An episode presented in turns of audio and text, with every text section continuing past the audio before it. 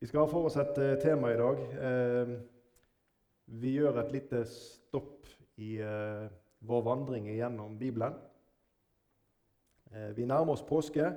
dette går ikke helt midt inn i påskebudskapet. Det gjør det ikke. Men jeg fikk et spørsmål omkring temaet her for en tid tilbake igjen. Og tenkte jeg skulle prøve å svare. det er ikke et spørsmål som det er fort gjort å svare på. Det handler om treenigheten. Um, I ren samtale så har det sin avgrensning når en skal prøve å svare grundig på dette. Og på en e-post så har det òg en avgrensning når en skal prøve å svare på dette, for her er veldig masse å si om dette temaet. Uh, det betyr ikke at vi skal ha en veldig lang bibeltime her i formiddag, men det betyr at jeg prøver å trekke sammen uh, noen linjer for at vi skal få en forståelse av begrepet treenighet. Vi har hørt ordet alle sammen. Vi møter ikke dette ordet treenighet i Bibelen, men Bibelen den taler likevel om dette temaet. Vi ber først. Kjære Jesus, må du gjøre oss stille for deg og for ditt ord. Vi ber Herre om at du skal eh, vise oss Herre, inn i dypet. Herre. Vi ber om at du skal hjelpe oss til forståelsen av eh, dette temaet Herre, som omhandler den treenige Gud. Gjør oss stille for deg nå, Herre, disse minuttene vi eh, har for oss. I ditt navn. Amen. Begrepet treenighet det oppsummerer på et vis hvem Gud er. Og når vi møter dette begrepet treenighet, så tror jeg at eh, vi må erkjenne at dette er et slags møte mellom Guds visdom og vår begrensning til å forstå. Treenigheten det er jo en forståelse av at det finnes en enhet i Gud. Og i denne enheten i Gud så finner vi Faderen, Sønnen og Den hellige ånd. Som da altså utgjør Gud. Og dette er viktig for deg og meg å forstå. Det er viktig å gripe dette for vårt kristne trosliv. Det finnes masse skriftsteder som omhandler dette. her. Vi skal se på noen av dem. Noen skriftsteder der finner vi treenigheten veldig tydelig. Og for hver og en av disse tre personene som vi snakker om her, så finner vi mange skriftsteder. Vi skal se litt på dette. Vi finner altså tre personer. Og jeg vil gjerne få lov til å understreke at det er personer vi snakker om her. Vi finner Faderen, og vi finner Sønnen, og vi finner Den hellige ånd. Og Når Gud er tre personer, så er det altså sånn at Sønnen er ikke Faderen. Og Faderen er heller ikke Sønnen. På samme måte som Sønnen ikke er Den hellige ånd, og Den hellige ånd er heller ikke Faderen.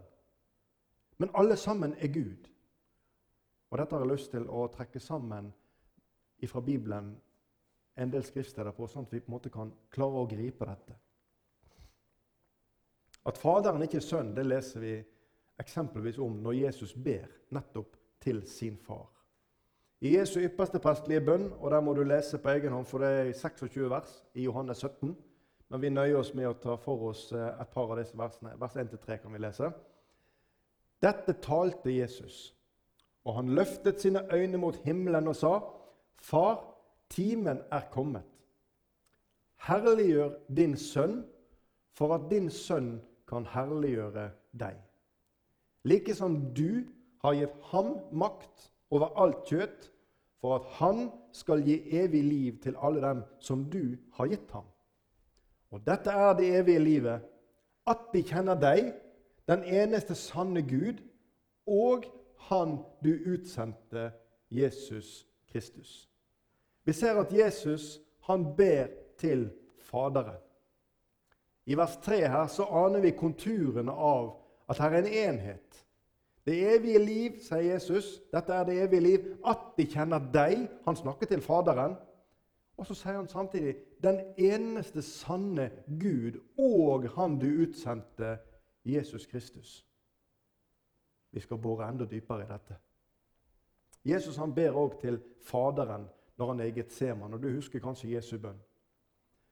Matteus 26, 39. Og han gikk et lite stykke fram og falt på sitt ansikt og ba, 'Far, er det mulig, så la dette begeret gå meg forbi. Men ikke som jeg vil, bare som du vil.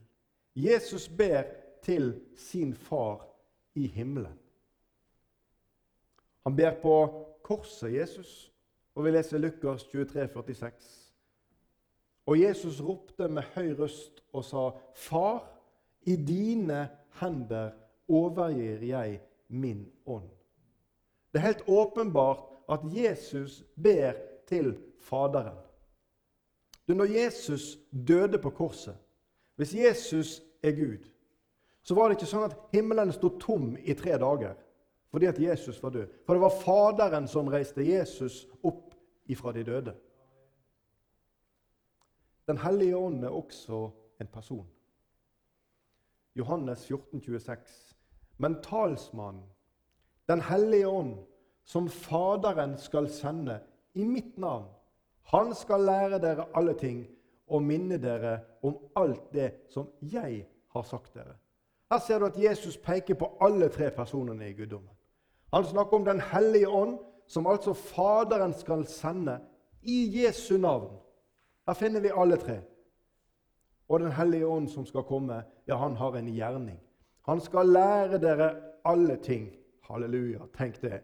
Talsmannen Helligånd skal ta oss nær sagt på fanget og undervise oss ja, og minne dere om alt det som jeg har sagt dere, sa Jesus. Om Den hellige ånd så sier Jesus i Johannes 16, vers 7, at det er til gagn for dere at jeg går bort. For dersom jeg ikke går bort, kommer ikke talsmannen til dere. En av talsmannens oppgaver leste vi i vers 26 der i kapittel 14. At han nettopp skal lære oss om alle ting og minne oss om alt det som Jesus har sagt til oss. Jesus har en annen gjerning. Jesus har en ypperste prestelig gjerning, og det skal vi komme tilbake til. At Faderen er Gud, det er kanskje det vi finner mest skriftsteder om, som er lettest å peke på. I 1. Korinterbrev 8,6 så leser vi så er det for oss bare én Gud, Faderen. Av ham er alle ting, og vi er til for ham.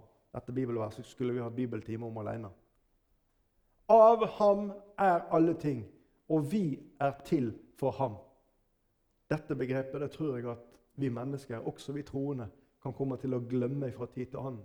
At vi er til for Faderen. Vi leser videre. Og det er bare én Herre, Jesus Kristus. Ved ham er alle ting, og vi er til ved ham. At Sønnen, altså Jesus, at Sønnen er Gud, det leser vi blant flere skriftsteder om her. I Romerne 9,5 så taler Paulus om, om løftene og pakten osv. Og, så og så leser vi fra det femte verset. Dem tilhører fedrene, og fra dem, altså fedrene, er Kristus kommet etter kjødet. Og hør Han som er Gud over alle ting, velsignet i evighet. Amen. Her finner vi masse informasjon i dette bibelverset. her. Vi leser om at dette med løftene og paktene som tilhører fedrene. Men så leser vi her at Jesus, altså Kristus, han er kommet ifra disse fedrene etter kjødet. Og Nå kunne vi tatt for oss Jesu ettertavle og lest Det skal vi ikke gjøre i formiddag. Men den bare demonstrerer riktigheten av det som Paulus skriver om her. Og så understreker dette bibelverset at Jesus, han er Gud over alle ting. Den hellige ånd er også Gud. Matteus 28 og vers 19. Gå derfor ut og gjør alle folkeslag til disipler, idet dere døper dem til Faderens og Sønnens og Den hellige ånds navn. Hvilket navn er det dette skal skje i? Vi må bla tilbake til andre Mosebok og finne svaret på dette. Andre Mosebok kapittel 3, og vi leser vers 14 og 15. Vi finner Moses her ved tornebusken, som er litt uh, uvillig til å gå det ærendet som Gud har bedt han om å gjøre når han skal gå til Egypt. Og Så spør Moses Gud hvem skal jeg si som har sendt meg. Så svarer Gud dette verset, disse to versene her. 2. Mosebok 3, 14 og 15. Da sa Gud til Moses, 'Jeg er den jeg er.' Og han sa, 'Så skal du si til Israels barn:" 'Jeg er, har sendt meg til dere.' Eller Jave. Dette er mitt navn til evig tid, sier Gud her i vers 15. Altså 'jeg er'. Dette er mitt navn til evig tid. I hvilket navn er det vi skal gjøre dette som når vi går ut av alle folkeslag og døper dem til Faderens og Sønnens og Det hellige ånds navn? Hvilket navn? Jo, i Guds navn. I Javes navn. I Jeg er sitt navn. I Guds skikkelse, Guds vesens navn, som består av disse tre, som Jesus understreker når han gir dåpsbefalingen om at det skal skje i Faderens og Sønnens og Den hellige ånds navn. Det finnes enda et skriftsted som kanskje er med å understreke hvordan Den hellige ånd er Gud. Og det er Peter som sier dette. Vi leser fra apostelgjerningene kapittel 5 vers 3-4. Da sa Peter, Ananias, hvorfor har Satan fylt ditt hjerte så du skulle lyve for Den hellige ånd og stikke unna noe av betalingen for åkeren? Det har seg sånn at det var mange av de første kristne som solgte alt de hadde, og så gav de pengene til, til menigheten. Ananias og hans kone, som heter Safira, de ville også gjøre dette. Men når de hadde solgt åkeren og fått masse penger for den, så tok de noen av pengene og la dem til side, og så ga de resten til menigheten. Og det var greit. Men det var ikke greit at han bar det fram som om at det var det hele offeret. Peter han konfronterer Ananias med dette. Hvorfor har Satan fylt ditt hjerte? Så du skulle lyge for Den hellige ånd og stikke unna noe av betalingen for åkeren. Og vers 4. Var den ikke din så lenge du hadde den? Og når du så hadde solgt den, bestemte du ikke da sjøl over pengene? Hvorfor har du satt deg denne gjerningen for i ditt hjerte? Og hør, det er ikke for mennesker du har løyet, men for Gud. Nå er vi inne med et tema som handler om å gjøre Den hellige ånds sorg. Og det må vi la ligge til en annen gang. Men vi ser helt klart her at Peter han taler om to ting her. Han snakker om å lyve for Den hellige ånd. Og i samme, samme åndedrag nærmest så sier Peter det er ikke for mennesker du har løyet, men for Gud. Du, Gud, han er én. Nå har jeg pekt på de tre personene i Gud. Men Gud er én. Faderen, Sønnen og Den hellige ånd er Gud. Men det er ikke tre guder. At Gud er én, det leser vi om. Og det, for så vidt, det inngår i den jødiske trosbekjennelsen, skjema som kanskje noen av dere kjenner. 5. Mosebok 6, 4. Hør, Israel. Herren er vår Gud. Herren er én. I lovens første bud, det første budet som ble skrevet på disse steintavlene, så handler det òg om én eneste Gud. Jeg hørte en sang om det en gang, som understrekte understrekte viktigheten av at dette var faktisk skrevet i stein. Det er én en eneste Gud. Du skal ikke ha andre guder enn meg. Det var det første budet som Gud gav til Moses, som ble skrevet med Guds finger i stein der på Sinai. Ja, det står det. At det ble skrevet med Guds finger. Du skal ikke ha andre guder enn meg. Ja, det var enkelt, tenker du. Det skal jeg få til. Men når vi leser om budene i 5. Mosebok, og hvordan Moses beskriver dem, så finner vi for det første at dette er altså det første budet, og Moses han utdyper dette budet i 5. Mosebok 6 og vers 5. Du skal elske Herren din Gud av hele ditt hjerte og av hele din sjel og av all din makt, da ble det plutselig ikke så enkelt lenger bare å ha én Gud. Og Vi ser for oss at det var så enkelt, men her kommer det som ligger i det å ha en Gud. Du skal elske Herren din Gud av hele ditt hjerte. Udelt. Du skal ikke dele din kjærlighet til Gud med noe annet. Av all din makt, av hele din sjel. Her snakker vi om guddommelig hengivenhet. Her snakker vi om et tillitsforhold til Faderen, Sønnen og Den hellige ånd. Jesus han omtaler det samme temaet her, det første budet i loven. Han får et, han får et spørsmål fra en skriftlærd, og Jesus han svarer. Vi leser i Markus 12, og vers 28-30. En av de skriftlærde som hadde hørt på ordskiftet og forsto at Jesus hadde svart dem godt, kom da bort til ham og spurte hva er det første av alle budene? Jesus svarte, dette er det første av alle budene. Hør, Israel, Herren vår Gud, Herren er én. Og du skal elske Herren din Gud av hele ditt hjerte og av hele din sjel og av all din fornuft og av all din makt. Dette er det første budet. Og da ser du at Jesus' svar det er et sammendrag av det som vi leser i 5. Mosebok 6, 4-5. Gud har ikke forandret seg. Det Gud talte til Moses, det Guds finger skrev på disse steintavlene der oppe på fjellet, så Moses kunne ta dem med seg ned og vise til folk og si 'Her er Herrens lov'. Og Den begynner med at 'du skal ikke ha andre guder enn meg'. Og Noen tusen år seinere står Jesus overfor en skriftlærd som spør han dette spørsmålet. Og hva er Jesu referanse? Jo, det er ordene som Gud talte ved Sinai. Vi leste 2. Mosebok 3,14. Da sa Gud til Moses, 'Jeg er den jeg er.' Og han sa, 'Så skal du si til Israels barn:" 'Jeg er, har sendt meg til dere.' Så Gud er alltid. Gud han befinner seg i presens form til enhver tid. Og det er vanskelig for oss å forstå. For vi har fortid og nåtid og fremtid.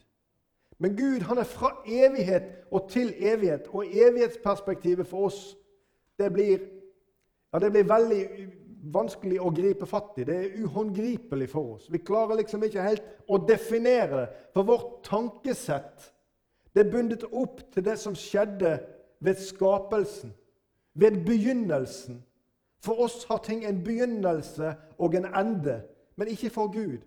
Gud er. Jeg er, har sendt meg til dere. Salme 90 vers 2. Før fjellene ble født, og du skapte jorden og jorderiket, ja, fra evighet til evighet er du Gud, sier salmisten. Og Merk deg at også Jesus bruker dette navnet. Jesus han er et ordskifte med jødene. Og Vi leser her Johannes 8, vers 58. Jesus sa til dem, 'Sannelig, sannelig, sier jeg dere, jeg er før Abraham ble til.' Enda et skriftsted som bare er med å understreke Jesu rolle i Gud. Men ble ikke Sønnen skapt når Jesus ble født? da? Var, Jesus, altså var Sønnen til før det? Vi leser Johannes evangeliet. Vi skal lese først vers 1-2 i Johannes 1. I begynnelsen var Ordet. Ordet var hos Gud, og Ordet var Gud. Han var i begynnelsen hos Gud. Vi må begynne på, det, på begynnelsen her. Og når er det? Når er i begynnelsen? Ja, Når vi regner i begynnelsen, så regner vi når Gud skapte. og Det leser vi i det første verset i Bibelen. Første Mosebok 1.1. I begynnelsen skapte Gud himmelen og jorden. Det var begynnelsen. Og så kommer alle disse åtte tidsaldrene som vi hadde om når vi snakket om første Mosebok her i Arken for noen bibeltimer siden. Gud skapte, leser vi her. I begynnelsen skapte Gud. Ja, Hvem var det som skapte? Ja, det var Gud, leste du nettopp. Ja, men hvem er Gud? Vi leser videre i Johannes evangelium kapittel 1, og nå leser vi det tredje verset. Alt er blitt til ved ham, og uten ham er ikke noe blitt til av alt som er blitt til. Hvem er denne han? Uten han er ikke noe blitt til. Hvem er det det refereres til her i Johannes 1,3? Vi blar helt ned til det 14. verset i samme kapittel. Og ordet ble kjøt og tok bolig iblant oss. Og vi så hans herlighet, en herlighet som den en enbåren sønn har fra sin far, full av nåde og sannhet. Jesus var i skapelsen. Jesus er med når vi leser at i begynnelsen skapte Gud. For vi leste at i begynnelsen var Ordet, og Ordet var hos Gud. Og Ordet var Gud. Og her leser vi at Ordet ble ja, kjøtt og tok bolig iblant oss.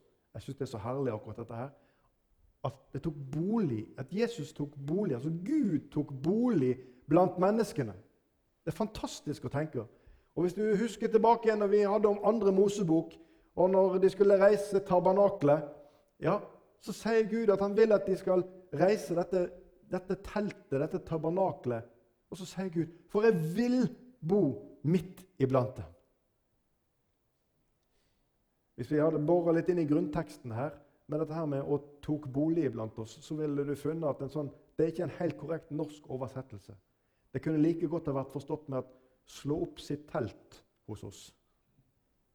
Så det er veldig billedlig på det som skjer tilbake i tid. Ordet var Gud og ble kjød og tok bolig iblant oss. Altså, vi finner Jesus i Gud. Og vi finner en enbåren sønn, full av nåde og sannhet. Og hva er sannhet? Gud er sannhet. Og Guds ord er sannhet. Og ordet har vi akkurat lest om i Johannes kapittel 1. Jesus han er Faderens sønn, og han er også en enhet med Gud. Du, Treenigheten, et av de stedene hvor vi møter treenigheten og alle disse tre personene samtidig, det er når vi leser om Jesu dåp. Matteus kapittel 3 og vers 16-17. Da Jesus var blitt døpt, steg han straks opp av vannet. Og se, himmelen åpnet seg for ham, og han så Guds ånd stige ned som en due og komme over ham. Og se, det lød en røst ifra himmelen. Dette er min sønn, den elskede. I ham har jeg velbehag. Her ser vi alle tre. Her ser vi Gud, og her ser vi Fader, Sønn og Hellig Ånd i det som foregår her ved døperstedet der ved, ved Jordan. Jesus ble døpt, og Den hellige ånd, Guds ånd, steg ned over Jesus som en due. Og så kommer samtidig røsten ifra himmelen som bekrefter at 'dette er min sønn, den elskede'. Her ser du treenigheten. Her ser du Gud, og du ser alle tre personene. Og Bibelen lærer oss følgende at Faderen, Sønnen og Den hellige ånd de er Gud. Det har vi understreket her. Vi har lest skriftsteder om dette. Dette er bibelsk lære.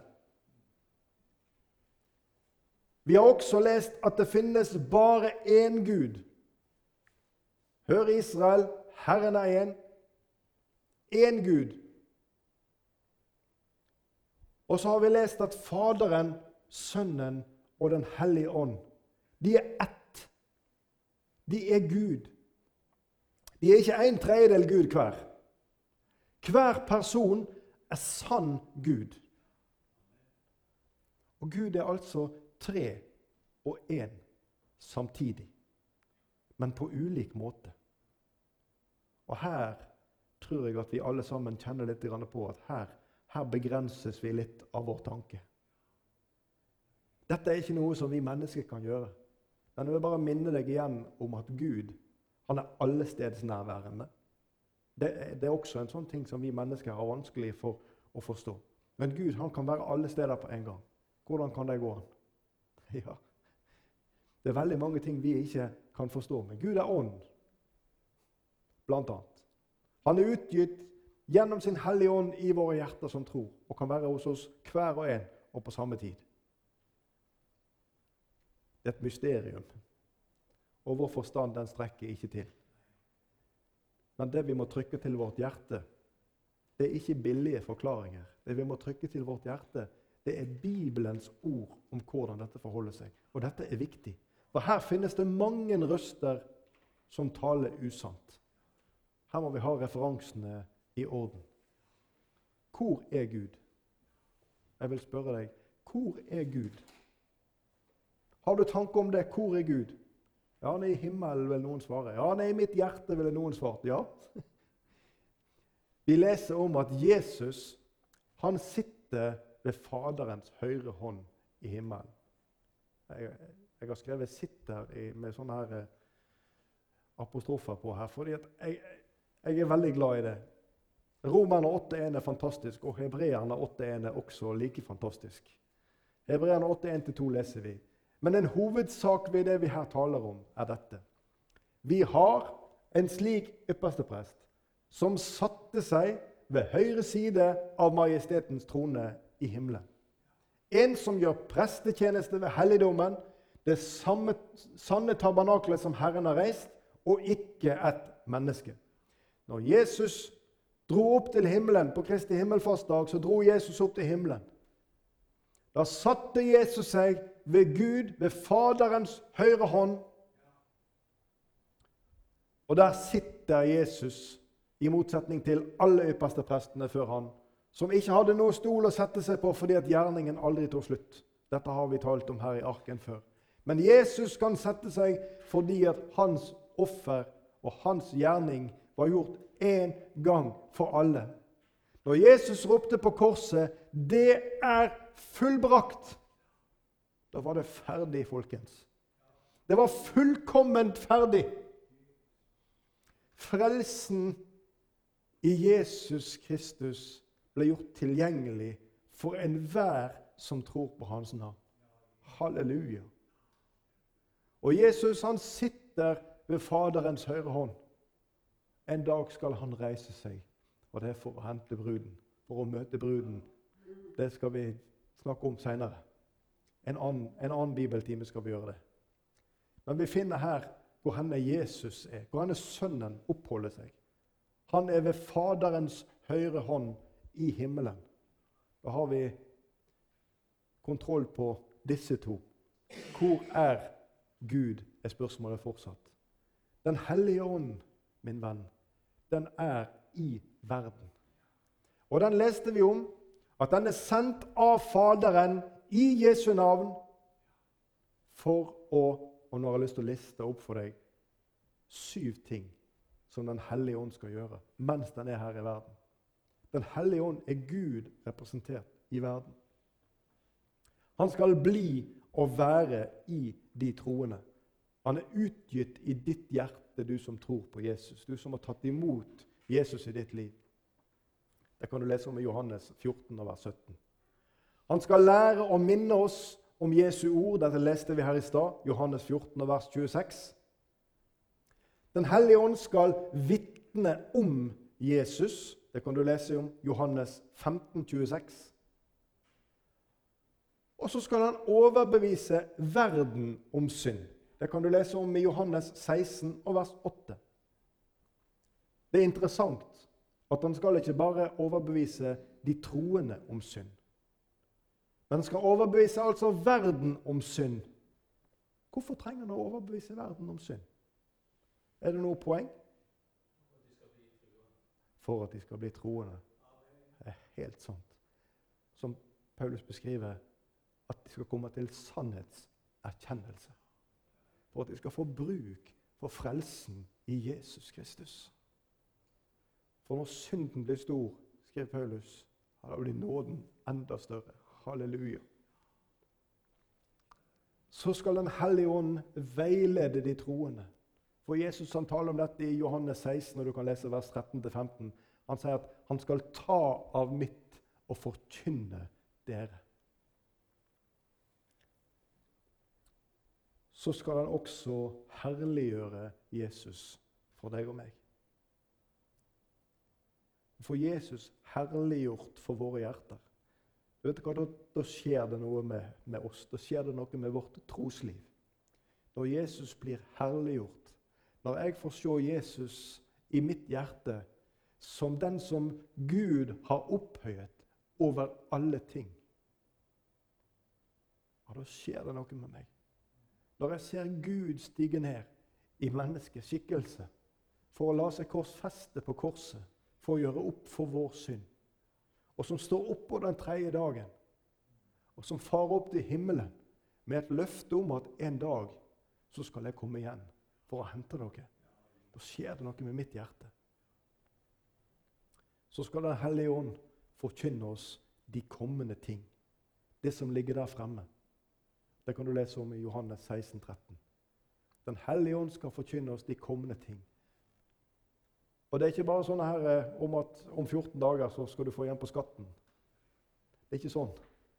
Han forkynner de kommende ting. For Gud har gitt deg og meg profetordet. Han har gitt oss Skriftene, og han har gitt oss bøkene bakover i Bibelen, ja, helt til åpenbaringsboken, som kanskje er den som tydeligst taler om fremtiden.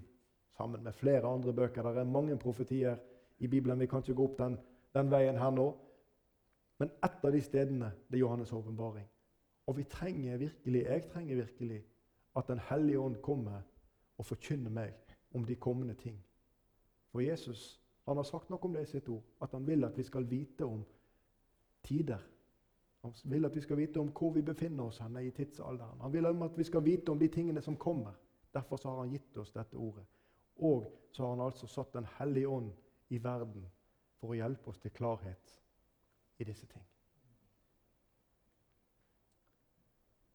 Vi synger denne sangen, eh, og jeg skal bare lese disse to versene her. Herre, ditt navn, hvor herlig det er. Herre, ditt navn vil vi elske. Det er en salve, og du er oss nær. Alltid vil du være der. Immanuel, Guds offerland. Vår konges ord hvor herlig er ditt navn? Og vi vil prise dette navnet. Og vi gir all vår lovsang og vår hyllest til evig tid. Ja, vi vil prise dette navnet med vår sang. Som en takk fra våre hjerter gir vi nå vår pris til Jesu navn. Jeg er til evig tid Gud den levende Gud, den eneste sanne.